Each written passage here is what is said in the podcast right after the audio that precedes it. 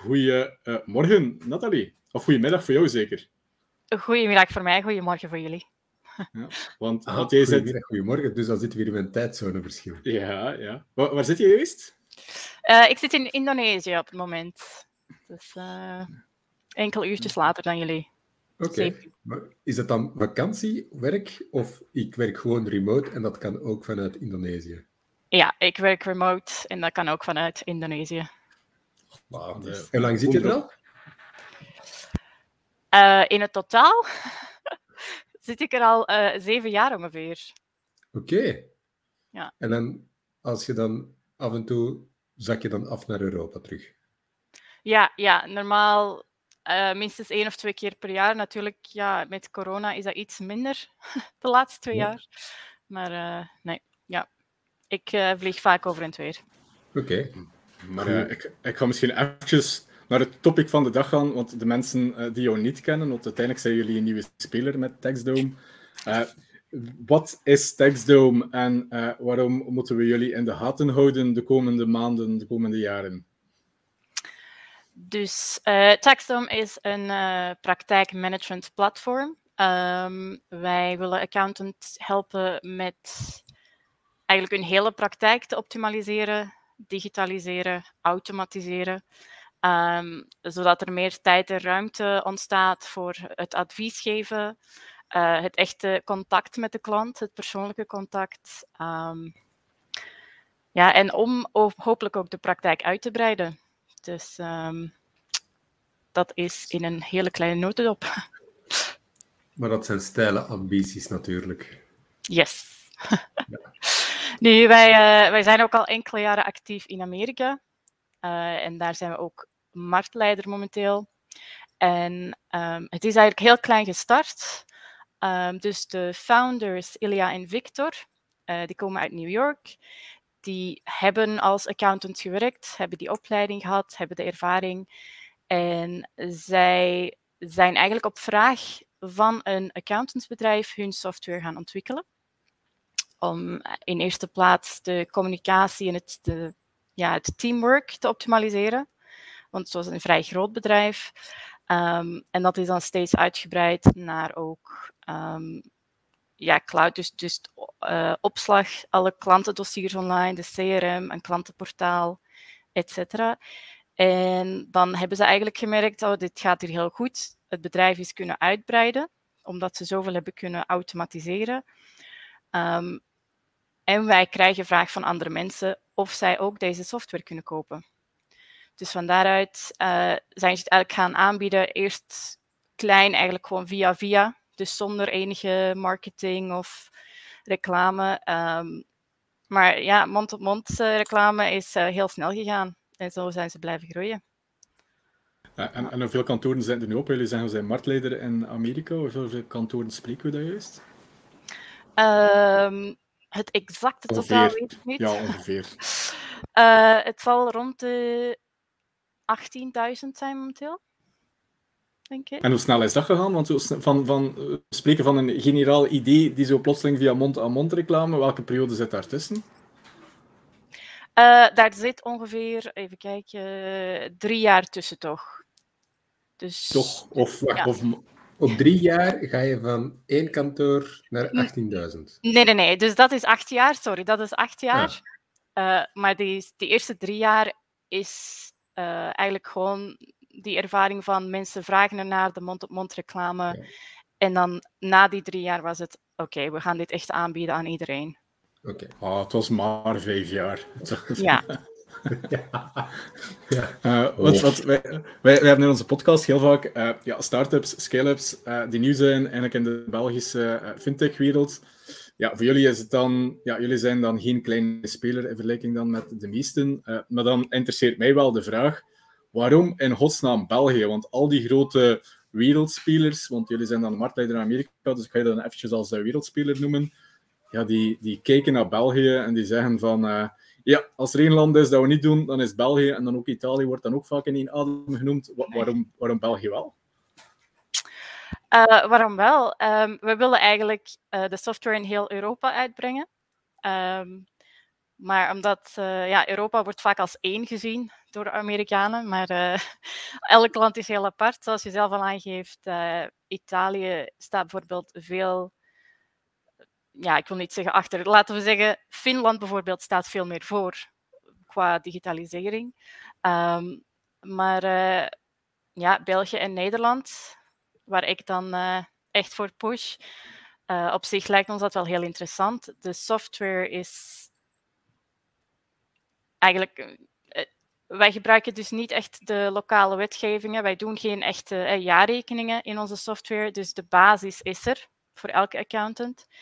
Gaan we inderdaad gewoon moeten zien hoe we dat echt kunnen personaliseren, zeg maar, naar uh, de Belgische markt. Maar uh, we willen het overal eigenlijk gaan aanbieden. Dus dit is nog maar de eerste stap. Um, bijvoorbeeld Engeland en Australië zijn de volgende. Die komen er ook aan. Um, ja. Ik denk ook onze founders hebben niet echt zoiets van. Uh, ze doen het niet per se over het geld. Ze willen echt accountants helpen. Uh, we hebben de middelen. Um, ja, dus we gaan er gewoon voor. Ja. En is dat niet uh, land per land, maar dat is dan per continent, moet ik dat dan bekijken dan? Dus jullie zeggen van, ah, wij gaan gewoon naar Europa en dan is dat Benelux, Frankrijk, Duitsland, Scandinavië tegelijkertijd?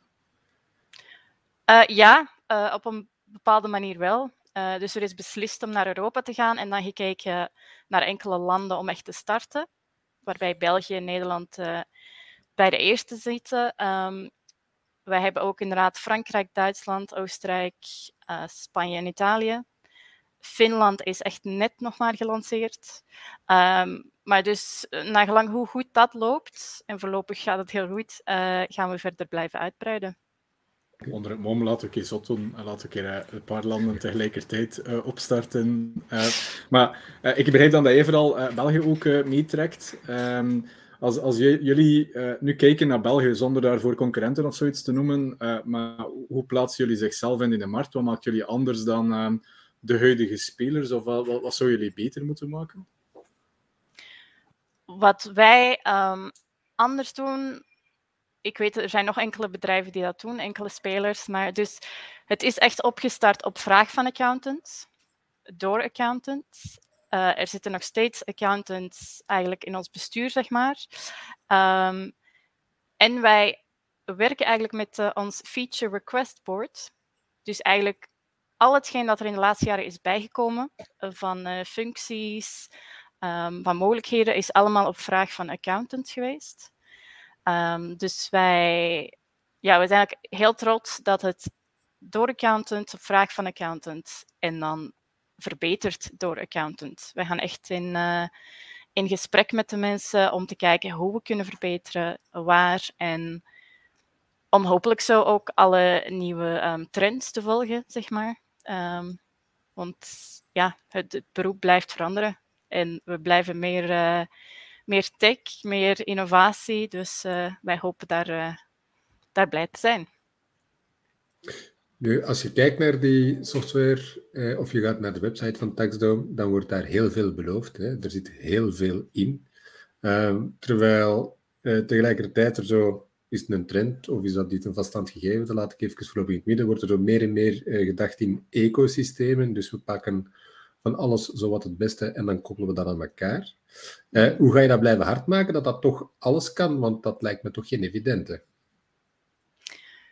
Nee. Um, maar dan opnieuw, uh, doordat de mensen functies kunnen aanvragen, um, hopen wij daar wel mee, mee te groeien. Um, wij hopen ook uh, via onze integraties de mensen te kunnen helpen.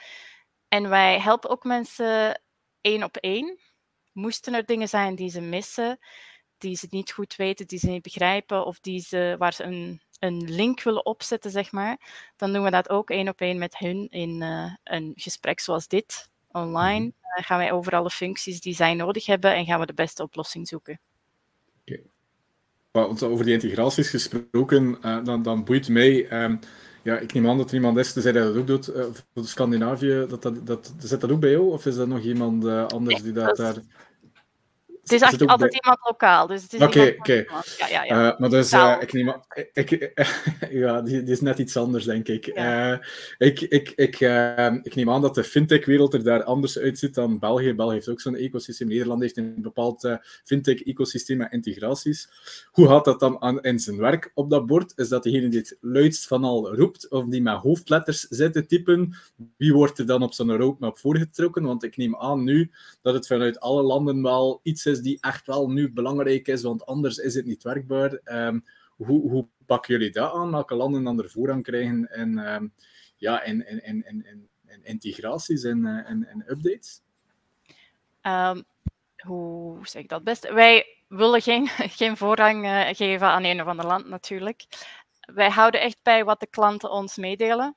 Dus zelfs al zijn ze gewoon geïnteresseerd in Taxstorm en besluiten ze uiteindelijk niet met ons in zee te gaan, hopen wij wel de informatie van hen te krijgen wat ze missen, welke integraties ze nodig hebben. En dat wordt allemaal bij elkaar gebracht. Um, we hebben ook een. Um, dus het Amerikaanse team is gestart met een development team. Wij krijgen nu ook een Europees development team. Um, ik denk dat ze ondertussen in de laatste weken elke week drie mensen hebben aangenomen daarvoor. Dus wij hopen een, uh, een, een dedicated team voor elk land te hebben uh, binnenkort. En zo ja, eigenlijk de meest gestelde vragen van de klant uit dan als eerste te behandelen. Oké, okay. uh, dus als wij de vraag stellen Open API. En een Deen stelt die vraag ook, dat wordt dat zeker meegenomen uh, bij TextDome, dan begrijp ik goed. Sven, als hij dan ook vraagt, dan zijn we al met twee. Hè? Dan... Dat zijn we al met twee, ja. Dus Open API's komt er dus gewoon aan dan. Uh, dat komt er inderdaad aan, maar zoals ik al zei, wij zijn mensen aan het aannemen. Dus wij hebben nu een team dat effectief uh, in elk land eigenlijk op zoek is naar wat er zeker via die Open API mogelijk moet zijn. Um, en eens dat wij meer developers hebben um, en meer mensen beschikbaar hiervoor, uh, starten we met de Open API. Dus hopelijk um, tegen, ja, tegen half volgend jaar hebben wij een Open API. En uh, kunnen we daarmee van start. Klinkt ambitieus. Klinkt ambitieus. Laat, fingers crossed. Hè. Laat, ons, uh, laat ons vooral uh, mee dat opvolgen. Uh, maar misschien een compleet andere hoek even inslaan in het gesprek. in de massale voorbereiding dat Sven en ik altijd doen voor dit soort gesprekken. lees, wij bekijken het LinkedIn-profiel, de website. en gaan voort op onze gegevens vanuit vorige gesprekken.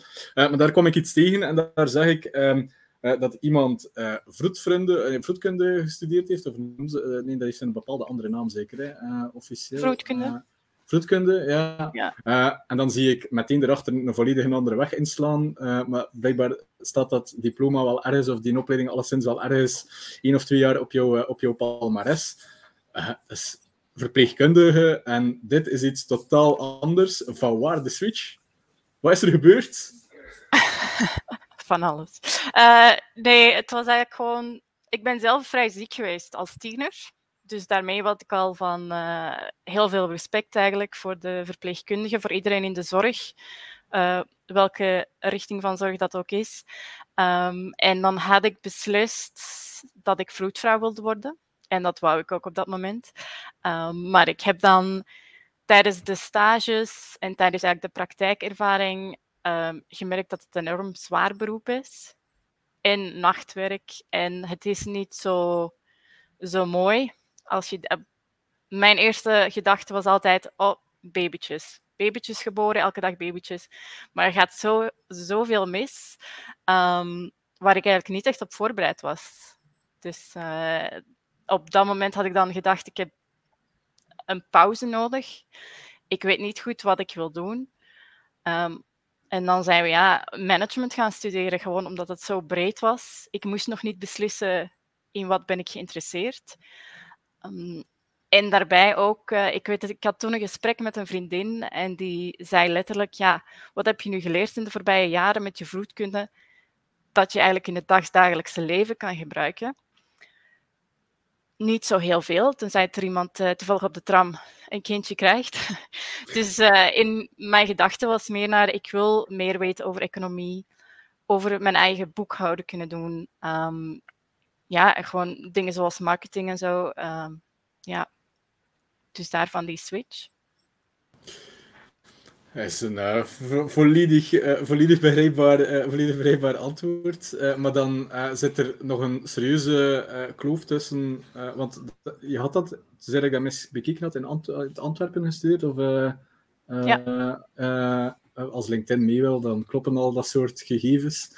Ehm, maar dan kom je plotseling bij een bedrijf die volgens mij TechZoom zit in, denk ik, in New York. Dus eigenlijk dat nu volledig verkeerd net op de website heb bekeken en gespikt. Nee. Uh, hoe, hoe kom je van uh, ja, bij zo'n bedrijf terecht? Uh, want op zich is het een, um, daar zitten wel wat stappen tussen, maar hoe kom je daar dan? Um, ik, ik ben gaan reizen naar mijn studies, dus ik heb enkele maanden gewerkt bij een accountantskantoor. en dan ben ik gaan reizen met de gedachte van enkele maanden rondreizen, terug naar huis en dan mijn echte professionele leven starten in België. Dat is nooit echt zo gebeurd.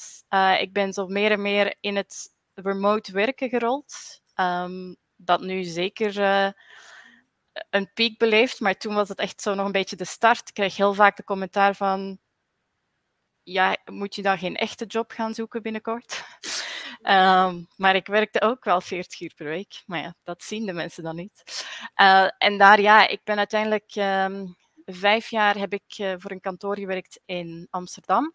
Dat was ook vaak remote. En dat was heel vaak met eh, klanten omgaan in noodgevallen en soms de klachten achteraf van hoe wij die behandeld hebben. Uh, dat, heb ik heel veel bijgeleerd. Um, ook hoe gewoon met mensen om te gaan, hoe te spreken, hoe kalm te blijven. Maar na vijf, zes jaar was het wel een beetje op. Uh, en dan ben ik gaan zoeken naar een job. Ik heb gereageerd op de Taxdom-advertentie en uh, drie dagen later ben ik gestart. En dat was de advertentie zelf eerst was eigenlijk gewoon meer customer support. Wat ook die laatste zes jaar een beetje is wat ik gedaan heb. En dan ben ik eigenlijk heel snel doorgegroeid naar dan uiteindelijk ja, uh, country manager en business development, zoals ze dat willen zeggen. Ja. En is dan tijdens het reizen dan eigenlijk dan, als je zeven jaar in Indonesië zit, dan mag ik dan zeggen, liefde voor Indonesië dan? Uh, dat je da ben je daar dan gewoon blijven plakken? Of was het eerst nog wat rondgetrokken? Of, of hoe ziet dan zo echt, want remote werken, thuiswerken is ook remote werken, maar werken voor de Benelux-markt vanuit Indonesië, eh, dat vind ik toch nog wel uh, een stapje verder. Dus hoe werkt dat dan eigenlijk? Hoe ben je dan in Indonesië terecht geraakt en hoe combineer je dat dan richting een Benelux-markt? Ja, uh, het is dus gestart. na mijn studies ben ik naar Australië vertrokken. dat was echt enkel en alleen met het idee, ik wil ergens heen gaan waar ik een paspoort voor nodig heb. En dan ga ik zo ver mogelijk. En dan, ik heb twee jaar in Australië gewerkt en gewoond. En dan van daaruit Zuidoost-Azië bezocht. En dan nadat die jaren op waren, mijn visum was op, ik had ook niet echt, echt zin om daar serieus werk te zoeken, dacht ik van ja, ik ga enkele maanden nog in Azië rondtrekken, want dat is mij altijd heel goed bevallen. En dan ben ik eigenlijk inderdaad blijven plakken. En toen op het eerste moment was het meer van, oh, ik heb nog mijn spaarcenten, ik ga gewoon af en toe wat vertalingjobjes doen, wat schrijven, zodat ik nog een beetje langer kan blijven. En dan uiteindelijk in uh, die job groot voor een Amsterdams kantoor. En hoe komt dat? Ik denk gewoon ten eerste geluk, uh, omdat zij gewoon Nederlands sprekende zochten. Dus dat was de voornaamste criteria. En zij hadden ook iemand nodig die de Nederlandse nachten kon werken. Dus dat was ideaal voor mij. Er waren hier de dagen, daar de nachten. Dus dat kwam voor iedereen goed uit. Ja. Oké, eh, straf. En, en, en hoe doe je dat dan eigenlijk nu? Hoe, hoe richt je je dan op de Benelux-markt dan als je in Indonesië zit? Hoe gaat dat dan? Nu, dus ja, dankzij COVID ben ik nog niet veel in België geweest de laatste maanden. Uh, het eerste, de eerste maanden was ook vooral voorbereiding, marktonderzoek. Uh, ik heb met heel veel mensen gebeld. Um, dus dat gaat allemaal remote. Zeker deze tijden. Mensen hebben geen probleem om in een, een online meeting te springen in plaats van echt af te spreken. Um, het plan is wel natuurlijk, vanaf dat het iets gemakkelijker wordt weer om te reizen, om elke drie maanden toch zeker in België te zijn, ook met mensen face-to-face -face, ja, af te spreken en meer lokaal bezig te zijn. Maar wij doen bijvoorbeeld ook al onze, al onze support, ondersteuning, vragen, gebeurt ook allemaal via e-mailchat, online meetings. Dus dat is op zich geen probleem um, om vanuit ergens anders te doen. Dat weet je ja. niet. Maar, maar je zei zelf, uh, ik heb gewerkt voor een, een, Is dat dan een Nederlands accountskantoor of kantoor dat je daar gewerkt had? Of heb ik dat verkeerd uh, begrepen uh, daarnet? Omdat je zei van ik heb zelf voor een boekhoudkantoor gewerkt? ja, dat was in het Antwerpse, in Borsbeek. Dus dat is, dat is, dat is voor, de, voor de wereldreis, laten we daar eventjes dan. Ja. hoe keek jij, want dat is dan al even geleden dat je ja. daar gewerkt hebt. Hoe keek je naar de accountancy-markt toen en hoe kijk je er nu naartoe naar? Is die, is, als je dan even naar België dan even laser focus, is die veel veranderd of vind je dat dat toch redelijk status quo gebleven is? Uh, ik denk dat er wel wat veranderd is um, qua rol van accountant. Volgens mij is er veel meer advies geven in momenteel. Um, ik had ook, ik was toen assistente van ongeveer zeven accountants, dus ik kreeg alle alle jobjes, zoals de facturen opmaken, alle uren, alle tarieven, weet ik veel wat. Dus dat, volgens mij, bestaat het al niet meer in de meeste kantoren. Dat er daar nog één iemand zit om al die dingen te doen. Um, dus ik denk dat die digitalisatie um, wel goed op gang is, eigenlijk. We zijn er nog niet, maar hij is wel uh, onderweg. En sommige kantoren lopen wat achter. Um, maar die zullen er ook wel komen, daar ben ik zeker van. Maar je zei zelf uh, daarnet, uh, ja, Italië is misschien, ik weet niet waar dan die dan staan op de curve, maar je zei wel, uh, ik denk dat Denemarken was hij als voorbeeld gaf, die zitten... Uh, Finland. Finland, sorry. Fin sorry. Finland. Ja, ik bedoel, voor mij is Scandinavië nee. Ik weet dat dat voor jou gevoeliger ligt. Ja. Ik weet dat veel gevoeliger ligt bij jou. Um, ja, Finland, dat is niet Zweden, dat heb ik wel goed onthouden. Um, ja. Uh, hoe, hoe kijk je naar België? Waar staat België? Of hoe kijkt Textdome uh, naar België qua digitalisering? Zitten wij, uh, zitten wij mee vooraan? Zitten wij ergens in het midden?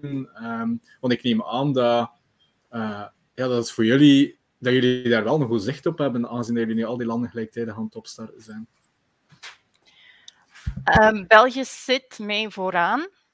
we merken wel heel hard dat er nog veel um, educatiever uh, naar België toe moet worden gestapt. Dat we meer dingen moeten gaan uitleggen eigenlijk, waarom we dingen doen of waarom we denken dat dingen beter zijn. Terwijl als we naar Finland gaan, de meeste mensen hebben al een idee van wat ze willen. Hebben al een idee hoe het hen kan helpen. Dus op dat vlak, België zit mee vooraan, maar moet nog uh, meer opgewarmd worden, als ik het zo kan zeggen. En dan heb je andere landen waar ze inderdaad eigenlijk er volledig nog tegen zijn. In Italië merk je vaker van, uh, oh maar ik kan dit niet doen, ik kan dat niet doen. Waarom mag ik het niet gewoon in een spreadsheet houden? Die mensen ik, die hangen ook vast aan, aan hoe ze het al jaren gedaan hebben. En daar wordt het wel uh, wat moeilijker om hen mee te trekken in die digitalisatie. Je zal ook wel zo'n strekking hebben in België. Uh, En die strekking is helaas nog vrij groot ook, denk ik. Uh, maar uh, je spreekt over ehm, uitleggen waarom en, en de educatievere rol opnemen. Kan je dat wel concretiseren? Zijn, zijn er zaken dat je zegt van, als wij het daarover hebben, dan, dan, dan, dan wordt dat minder begrepen door de Belgische markt op dit moment? Of gaan ze met de hakken in het zand staan? Heb je daar concretere voorbeelden van? Um, er zijn, ik heb nog wel wat uh, ja, hoe zeg ik, weerstand ondervonden als het gaat over alles in de cloud. Dat uh, er zijn er nog steeds die dat niet zien zitten, of die dan alle twee willen in de cloud, in een, uh, een hardcopy archief, zeg maar. Mm, voor de rest, ik denk dat het, ze begrijpen wel alle functies op zich. Het is alleen het integreren uh, en bijvoorbeeld onze workflows. Um, wij kunnen echt een heel stappenplan zeg maar, opstellen voor elke service die ze aanbieden. En dat hebben, de meesten hebben dat nog niet gezien. Dus we moeten echt gaan tonen hoe ze het kunnen gebruiken voor hen om, om daar echt ja, te begrijpen wat het hen kan opbrengen. Hoe het hen kan uh, ja, het, het, leven eenvoudiger maken, zeg maar. Omdat workflow meer is dan takenbeheer, vermoed ik. Want ik denk dat, daar, uh, dat, we, dat we daar zedelijk goed in zijn, in, in takenbeheer en checklists en afvinken en, en wat weet ik allemaal. Maar workflow gaat, vermoed ik, dan toch nog wel een stapje verder dan. Waar, waar, waar zit dat verschil dan juist? Workflow um, is eigenlijk alle stappen automatiseren. Dus als ik een heel simpel voorbeeld uh, zou geven, zou dat waarschijnlijk zijn: je hebt de kwartaalaangifte. Dus de eerste stap is telkens een bericht naar jouw klant om te vragen om alles van dat kwartaal, alle documenten op te loaden. Dan de tweede stap, dan zou je automatisch een, een taak gestuurd worden naar de accountant om te checken of alles er is. Controle, de aangifte eventueel uh, voorbereiden. Uh, de derde stap kan zijn uh, controle door een hoofdaccountant of extra stukken opvragen. En dan de vierde stap bijvoorbeeld alles indienen daarin heb je verschillende taken en je hebt ook verschillende berichten, e-mails, weet ik veel wat die verzonden worden. En dat kan bij ons allemaal automatisch gebeuren. Dus wat je gewoon kan doen, is al jouw klanten um, eigenlijk in die workflow toevoegen. En dan gaat alles eigenlijk vanzelf uh, ja, vooruitlopen. Dus vanaf dat zij de documenten hebben geüpload, krijg jij een bericht dat je eraan kan beginnen. Uh, ben jij klaar, dan gaat het bericht naar de volgende om alles na te kijken of eventueel naar de klant om nog dingen op te vragen. Dus daarin hopen wij om mensen dan te helpen alles tijdig in te leveren. Uh, de klanten krijgen ook automatisch herinneringen. Dus je hoeft niet 500 keer te vragen naar dit document. Dat kan je gewoon instellen. En om hopelijk zo niets te vergeten. Dus je, kan niet zomaar een stap overslaan. Dan moet je hem echt heel bewust uh, gaan afvinken als gedaan. Dus zodanig dat eigenlijk jouw job van acht jaar geleden, dat die uh, sowieso niet meer nodig is. Ja. Dus eigenlijk heb je jezelf uh, volledig overbodig gemaakt in de job van, uh, van acht jaar geleden. wij, wij hebben zelf jou, jullie oplossing ook al kort gezien. We hebben zelf al een demo gehad. wat dat ons daarop viel, dan spreek ik even voor onze beurtfan, dus corrigeer hier even als ik volledig de mist in ga. Wat dat onze... doen, Ja, dat weet ik. dus daarom dat ik het zeg. wat, wat, dat mij, wat dat mij vooral opviel daarin is... Um, voor België in de accountancymarkt is, um, ik denk inderdaad dat het taakbeheer en het opvolgingssysteem vrij goed zit. Dat er, redelijk, uh, allee, er zijn al spelers op die dat, die dat goed doen op vandaag. Um, wat wij wel merken is dat er vrij weinig zijn die de nadruk op CRM eh, leggen. Um, waarbij dat wij daar denken dat, dat jullie daar dan wel wat anders naartoe kijken, of dat jullie oplossing daar alleszins wel een bepaald vraagstuk na, naartoe brengt. Is dat enkel in België zo dat het CRM-aspect zo weinig belicht wordt. Um, Sven, misschien even jouw andere pet opzetten van naar die sector te kijken, of naar de accountancy-sector. Dat is toch zo, hè? dat CRM-aspect, globaal gezien, ook bij de klanten dat wij begeleiden, anders bekeken wordt? Of ben ik hier nu uh, echt zwaar in de lucht aan het praten? Nee, ik denk dat gewoon omdat CRM, denk vanuit accountancy-standpunt, is, is, is redelijk technisch. Je hebt heel, heel veel informatie nodig van de klant, maar die is eh, redelijk technisch geïnspireerd in de zin van bestuurders, aandeelhouders, UBO's eh, en al die zaken. Als je spreekt over CRM en effectief eh, de relatie met, dan denk ik dat daar, dat daar nog zeker stappen te zetten zijn. Dat is, is, dat enkel België dat laatste leuk? Dat is wat ik me al afvraag. Want dat is iets wat hier heel ondergesneeuwd zit, precies. Maar is dat iets wat in andere landen wel het geval is? Als we dan bijvoorbeeld kijken naar Finland uh, als voorbeeld, is dat daar beter dan? Of is dat, of is dat ook iets wat dezelfde complexiteit en dat men dat als bijkomstig aanziet? De complexiteit is er zeker, uh, ook in andere landen, al zijn er in andere landen wel meer oplossingen uh, vaak hiervoor. Um, en ook eigenlijk, ja, er zijn CRM's voor alle sectoren, dus je kan altijd wel iets vinden, maar die specifiek naar accountants uh, gericht is, zo heb je er niet veel. Um, dus ja, wat ik merk bijvoorbeeld in Nederland zijn ze veel meer voorstander van een goed CRM-systeem, maar zij vinden ook niet altijd uh, het juiste systeem voor hen. Dus de meeste van onze klanten hadden een CRM-systeem dat was niet in het Nederlands.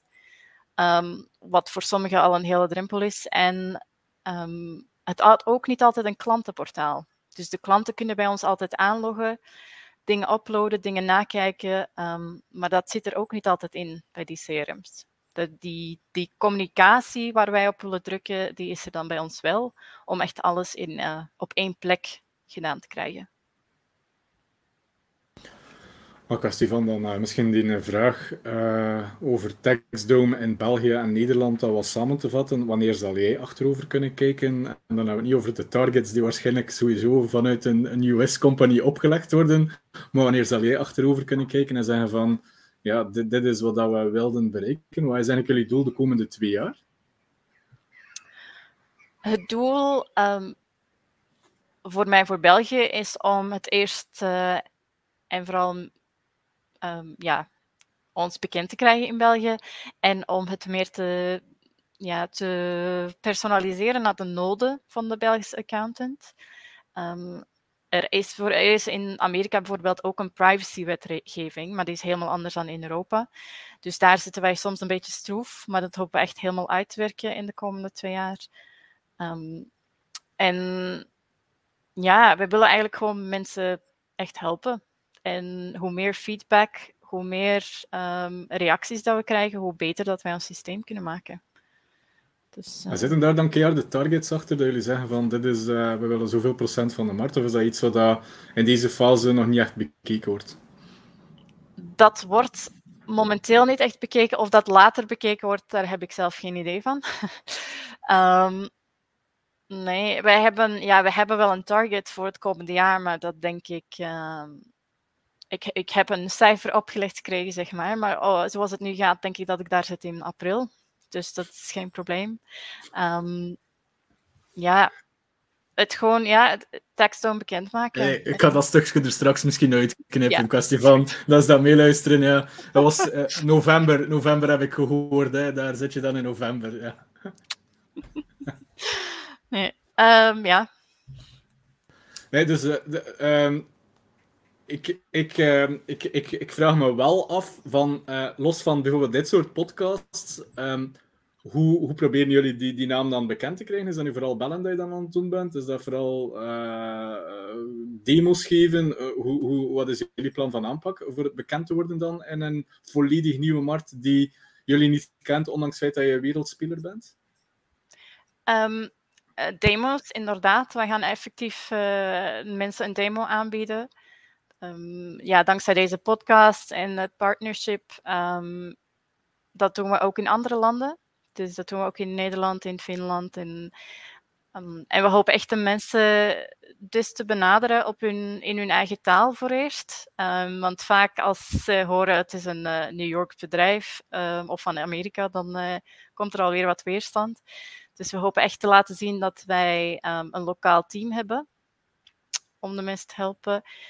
En voor de rest gaan we gewoon ja, met mensen in gesprek. Dat is ons eerste doel. Uh, LinkedIn, uh, mensen opbellen, mensen vragen of ze met ons in gesprek willen om uh, eigenlijk vooral eerst en vooral onze software te verbeteren. En op, momenteel um, lukt dat ook en zijn er mensen ook meteen geïnteresseerd om die trial te doen, de proefperiode. En we hebben ook daardoor mensen al ja, al gekregen die, die uh, ja, hun ingeschreven hebben. En dan komend jaar hopelijk uh, alle events en expos die we gaan bezichtigen. Fingers crossed. Fingers ja. crossed. Maar op 22 februari zijn jullie er ook bij uh, in de Glamco Arena. Yes. Ik, ik, hey, kom je zelf dan met, met een team of ga je, gaan jullie dat, dat ook remote doen? Want dat zal wel lastig worden, denk ik. Nee, ik, ik kom zelf. Ik zal fysiek ter plaatse zijn. Uh, het team dat is nog niet beslist. Uh, we zullen zien wie er. Uh... Ah, ons hele team reist rond. Dus um, het hangt er ook een beetje vanaf wie er dichtbij zit. Um, en wie er niet op een ander event zit. er zitten bijvoorbeeld op dat moment mensen in, in Brazilië op een expo. Dus ja. Oh, echt. nee, hebben we Brazilië niet nagekeken qua datum of wat? Ja. Dat is oh, ja, spijtig, spijtig, spijtig, spijtig. Ja. Uh, ik, ik kan misschien nog één afrondende vraag stellen. Zij dat Sven nog een prangende vraag heeft, dat hij met klamme handjes hier zit te wachten voor die te stellen, dan... Uh, nee, als ik bij jou ben, Glenn, dan heb ik nooit klamme handjes. Dus, is het waar? Spijtig is ja. En ook geen vragen. En ook geen vragen, nee. um, maar het is, het is volledig een ander angle. Um, uh, van waar de liefde voor Azië? Wat maakt Azië anders dan, uh, dan andere continenten? Waarom ben je daar blijven plakken? Dat heeft niks met TechZone te maken, maar het boeit me wel. Um, de mensen zijn veel armer, dat weet je misschien wel. Uh, maar ze zijn ook zoveel gelukkiger. dat was het eerste.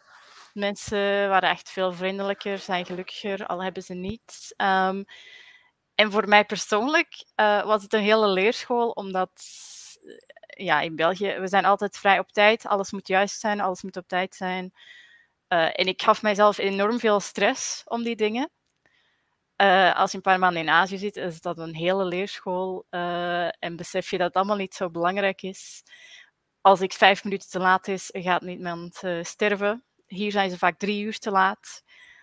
dus op dat vlak voor mij was het persoonlijk goed, zal ik zeggen. Positief om, uh, om een paar dingen los te laten en te leren om uh, op een beetje op een andere manier naar dingen te kijken. Ik denk, uh, als er iets is dan accountants en deadlines en stress en dergelijke. Alleen ja, de overheid die legt ook af en toe wel harde deadlines op. Ja, ik denk dat, uh, mocht al die cultuur een klein beetje de kerk in het midden zetten, dat het uh, waarschijnlijk wel ja. een pak aangenamer zou zijn. Um, het zou een pak eenvoudiger zijn, ja. Nou. Nee, ik, uh, ik wil jou alleszins uh, bedanken uh, voor, het, voor het gesprek. Ehm, ik hoop, want dat zal dan ook de eerste keer zijn dat we elkaar in februari kunnen zien, dat ja. Ja, iets van een pandemie en dergelijke, dat alles zo gaan liggen is. Um, en ja, dan wens ik jullie veel succes met de verdere bekendmaking van TextDome in, in België. Yes, dankjewel. Ik kijk er naar uit om jullie te zien in februari. Iets groter dan dit. Ja. Ja. Zeker weten. Nathalie, uh, fijne avond daar en uh, tot binnenkort. Hè. Ja, dank je. Fijne dag. Doei. Bye bye.